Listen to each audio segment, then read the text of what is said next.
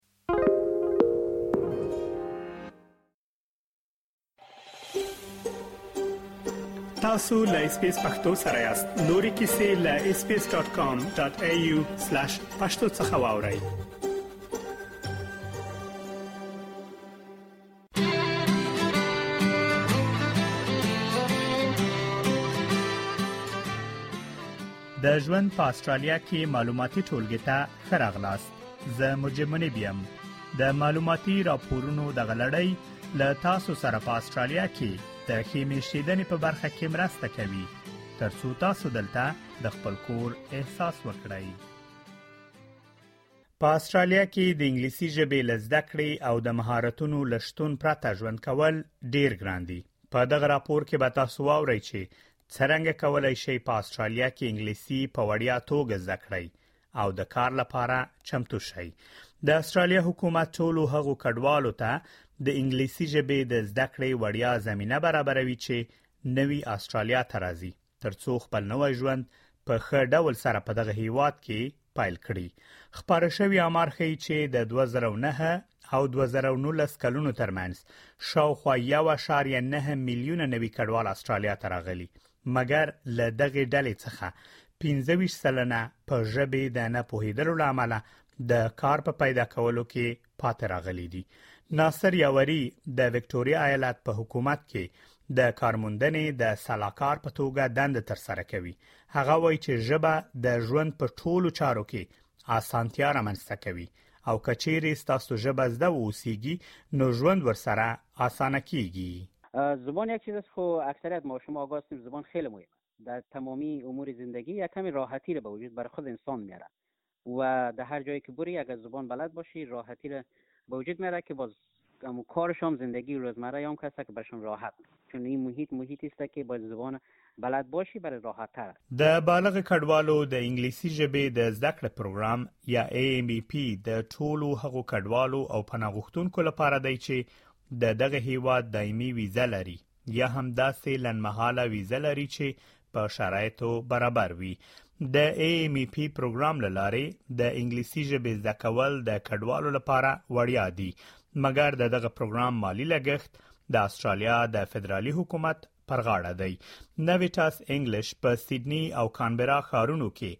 د AMEP پروګرام چارې پر مخ بیایي ترڅو کډوال په وړیا توګه د انګلیسي ژبه زده کړي له دغه ادارې څخه فرزانه فرزانه وایي هغه کسان چې له افغانستان او نور هیوادونو څخه استرالیا ته راځي او په شرایطو برابر دي کولای شي په دغه پروګرام کې شامل شي ایم ای پی کی اډلټ مایګرنټ انګلیش پروګرام یا برنامه انګلیسی مهاجران بزرگ سال است از طریق دولت استرالیا برای مهاجرین و پناهندگان که واجد شرایط است حمایت میشه و نویتاس انگلیش یکی از پرووایدر ایم ای پی است کسایی که نو د اسرایلیا مایا از افغانستان یا از کشورهای دیگر و واجد شرایط است پناهندگان یا مهاجرین میتونه که شامل از این پروګرام شونه. اغلې فرزانه وايي د اپریل له میاشتې څخه حکومت په دغه پروګرام کې نوي بدلونونه راوستلي دي او د پنځه سوه او لس ساعته وړیا زده کړو محدودیت له منځه تللی دی. هغه کسان چې غواړي انګلیسي زده کړي د اوږدې مودې لپاره کولای شي زده کړو ته دوام ورکړي. هغه وایي چې ایم پی له نویو راغلو کسانو سره د انګلیسي ژبې د زده کړې او مهارتونو په زده کولو کې مرسته کوي. از این پیش که ای پروگرام MEP 510 ساعت بود و از ماه اپریل دولت استرالیا اصلاحات جدید را در برنامه MEP به وجود آورده، ای پروگرام عالی استخاص ساده شده و فعلا به این تغییرات زبان آموزان می توانند به نهایت از این کلاس ها استفاده کنند و AMP کمک مونه برای برنامه یادگیری زبان انگلیسی و یادگیری مهارت های سکونت شانده را سرلیا. اغلې فرزانه زیاتوي چې د ایم ای پي پروګرام د استرالیا د کورنیو چارو وزارت په مالي ملاتړ په لار اچول شوی او د نویټاس اداره د دغو خدمتونو وړاندې کوونکې اداره ده چې په سیدنی او کانبرا ښارونو کې د انګلیسي ژبې د زده کړې لپاره کالجونه لري. ای پروگرام که تامین شده از طرف دیپارتمنت آف هوم افیرز از طرف دولت استرالیا که نویتاس یک ازی پروایدر ازی است و نویتاس کالجا داره در سیدنی که سیډني ساوت ویسټ ته ستا فیرفیلډ، بینکسټاون، لیورپول، کیبرمټا، میلر، اینډ کیمبل ټاون و د کیمبرا هم مو کالج درې کې اګر هر کس علاقه مند ستا کې به یادګیری زبان انګلیسی و وادی د شرایط ستا میدنه کې به شماره تیلفون د نویتاس کې یک اشت سیفر سیفر سیفر نو اشت یک یک یک ستا تماس بگیره. و برای کسب اطلاعات بیشتر می تواند که برای ازی وبسایت از ما navitasenglish.com.au تماس بگیرد. ناصر یاوري د وکټوریا ایالت په حکومت کې د کارموندنې د سلاکار په توګه دنده تر سره کوي هغه وایي کوم کسان چې استرالیا ته راځي دلته باید د کاري او تعلیمي سیستم په اړه پوه شي د بیلګې په توګه کچیر څوک غواړي دلته سبق ووایي او تر هغه وروسته کار پیدا کړي نو باید خپل لاره معلومه کړي خب چند مسئله بسیار مهم است دوستا هموطنای ما شما که دازه در استرالیا می اینا باید سیستم کاری را بفهمن و سیستم درسی را بفهمن اگر مثلا کسی باشه که بخواید درس بخوانند و بعد از اتمام درس برن دنبال کار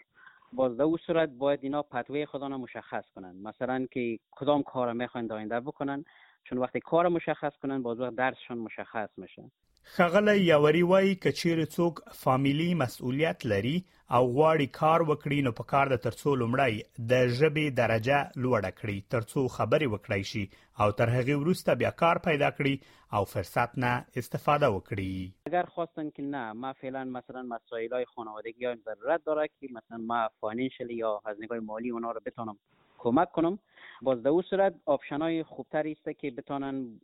اول امو انگلیش لیول خود تا حد بالا ببرن که به شکل کنورسیشن اینا رو یاد داشته باشن که باز در محیط کاری برشان ضرورت است که یک چند ماهی را در بر میگیرد باز بعد از او اینا میتونن مثلا از او کورس های کوتاه مدت که است تمام کنن و بتانن بعدا برن امو اپورتونیتی استفاده کنن و کار پیدا کنن هغه کسان چې نوی استرالیا ته راځي او په بهر کې یې زده کړې ترلاسه کړي کولای شي په استرالیا کې هم غوښتنه وکړي ترڅو د دوی لوړې زده کړې وارزول شي ښاغلی یاوري وايي، هغو کسانو چې په افغانستان کې درس ویلی او دلته راغلي په یوه نامعلوم حالت کې دي، مګر په هڅو سره د هرې مسلې لپاره د حل لاره شتون لري. د استرالیا په حکومت کې داسې ادارې شته چې د خلکو اسناد ارزوي. سرد کسایی که دو افغانستان درس خوانده و سند داره اینجا آمدن یک کمی سردرگم است. و میخوایم مشخص بگیم که سردرگمی وقتی مثلا برطرف میشه که اینا دنبال معلومات باشن همیشه امکان پذیر است هیچ کار امکان پذیر نیست و اینا میتونن مثلا یک بخش اسسمنت داره در دولت استرالیا اینا سندای روان میکنه و اونا کس یک مدت زمانی را در بر میگیره که اونا اسس میکنه په استرالیا کې بهرني اسناد او کاري تجربه په دریو ډولونو سره ارزول کیږي لومړی د مهارتونو ارزونه ده چې د سکلز اسسمنټ په نوم یادېږي دویم ډول ارزونه د بهرنیو تحصیلي اسنادو ارزونه ده او دریم هم د راتلونکو زکړو لپاره د پخوانۍ زکړو پر رسمیت پیژندل دي چې د آر پی ایل په لند نوم یادېږي او دغه ډول ارزونه په تعلیمي مرکزونو کې د نویو زده کړو پر مهال د پوهنتون یا تعلیمي مرکز لخوا تر سره کیږي خغله یوري وایي که چیرې چا په افغانستان کې لیسانس تر لاسه کړی اوسي او داسې تمه ولري چې هغه بدل ته د لیسانس په توګه ومنل شي دا ډیر ګران کار دی مګر د دې زیات چانس شته چې ترڅو هغه لیسانس د ډیپلومې یا هم سرټیفیکیټ په کچه ومنل شي نوموړی زیاتوي که چیرې څوک له بهر څخه لسانس ولري او بیا غواړي په استرالیا کې لوړې زده کړې ترلاسه کړي نو په خواني زده کړې ورسره مرسته کوي ترڅو راتلونکي زده کړې په کمې مودې کې ترسره کړي اما مثلا اگر کسی در افغانستان بچلر دیگری را خوانده باشه و در اینجا من حیث بچلر مثلا بخواین مو شناخته شوه بسیار سخت است اما احتمالش زیاد میره که او از بچلر دیگری را به اندازه یک دیپلمه یا سرتیفیکت اینا ریکگنایز کنه و بعد از او که مثلا اینا در آینده درس میخوانه او برشان یک کردیت حساب میشه یعنی مثلا اگر یک درس باشه سه ساله باز اینا میتونن اون رو در دو سال بخوانه یک سالش برشان آف میکنه چون به خاطر از اینکه از اوورسیز داره اما استپ اول علموسته که اینا باید مثلا اسیس شوه برای اسسمنت روان کنه و اونا که داکومنت و تمامی سنداش اسس شد باز از او باز اینا نتیجه گرفته میتونه ښاغلی یاوري زیاتوي، د هغه شخصي تجربه ښيي چې د ارزونې پر مهال د شخصي پوهنتونونو په پرتله د دولتي پوهنتونونو اسنادو ته ډېر ارزښت ورکول کېږي او د امریکايي پوهنتون سند هم ارزښت لري. وایی سندا را کثیس کرد بیشتر اوقات مثلا اگر سندا من مثالش را میگم تا جایی که من تجربه دارم همرای همین کمیونیتی کار کردیم که بعضی سندا که هست که اگر از فکر کنین از دانشگاه خود کابل باشه اعتبارش نسبت به دانشگاه های شخصی بالاتر است و دوم مثلا دانشگاه امریکایی هم که بود اونا هم که است کم اعتبارش خوبتر است په استرالیا کې د بهرنیو اسنادو د ارزولو په اړه د لا ډیرو معلوماتو لپاره مهرباني وکړئ د ښوونې، مهارتونو او کارموندنې ادارې له ویبپاڼې څخه لیدنه وکړئ د انګلیسي ژبې د زده کړې او پخوانیو زده کړو مهارتونو ترڅنګ تاسو په استرالیا کې هم کولای شئ خپل زده کړو ته دوام ورکړئ او په پوهنتونونو او تعلیمي مرکزونو کې نوې زده کړې ترلاسه کړئ او په استرالیا کې د کار لپاره چمتو شئ ښاغلی یاوري وايي چې د ژبې او کاري مهارتونو د زده کړې ترڅنګ د موټر چلولو لایسنس درلودل هم مهمه دي ترڅو له کارموندنې وروسته تاسو وکولای شئ په اسانۍ سره کار ته ولاړ شئ هغه وایي چې ځینې کارګمارونکي د موټر چلولو لایسنس ته د یو امتیاز په سترګه ګوري محیط کاری که است زیادتر وقتا نزدیک بر ما و شما نیست همیشه دور است در او صورت مثلا اگر پابلیک ترانسپورت یا مثلا امی خدمات عامه را که ازش استفاده کنیم باز در او صورت خیلی وقت گیر میشه در او صورت اگر مثلا اینا مو لایسنس خود داشته باشه و بتونه موتر درایو کنه باز در او صورت برای اینا راحت میشه که سر کار بره و حتی بعضی کارا که هست امور هم برش امتیاز میده مثلا پرسان میکنه که تو لایسنس داری میگی آه میگه پس خانه که دور است تو میتونی آمده بتونی اما اگر تو بینه که لایسنس نداری اما جای کارم از خانه و از آدرس دورتر است تو به آسانی اپلیکیشن تا قبول نمیکنه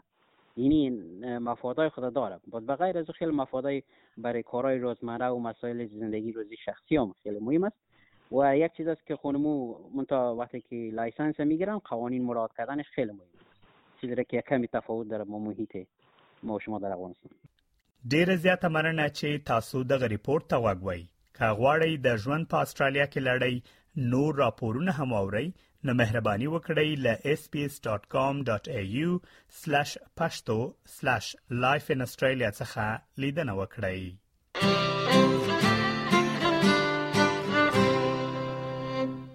اس پی اس پختو په فیسبوک کې تا کې پلی مطلب یو فاک کړئ نظر ور کړئ او له نورو سره شریک کړئ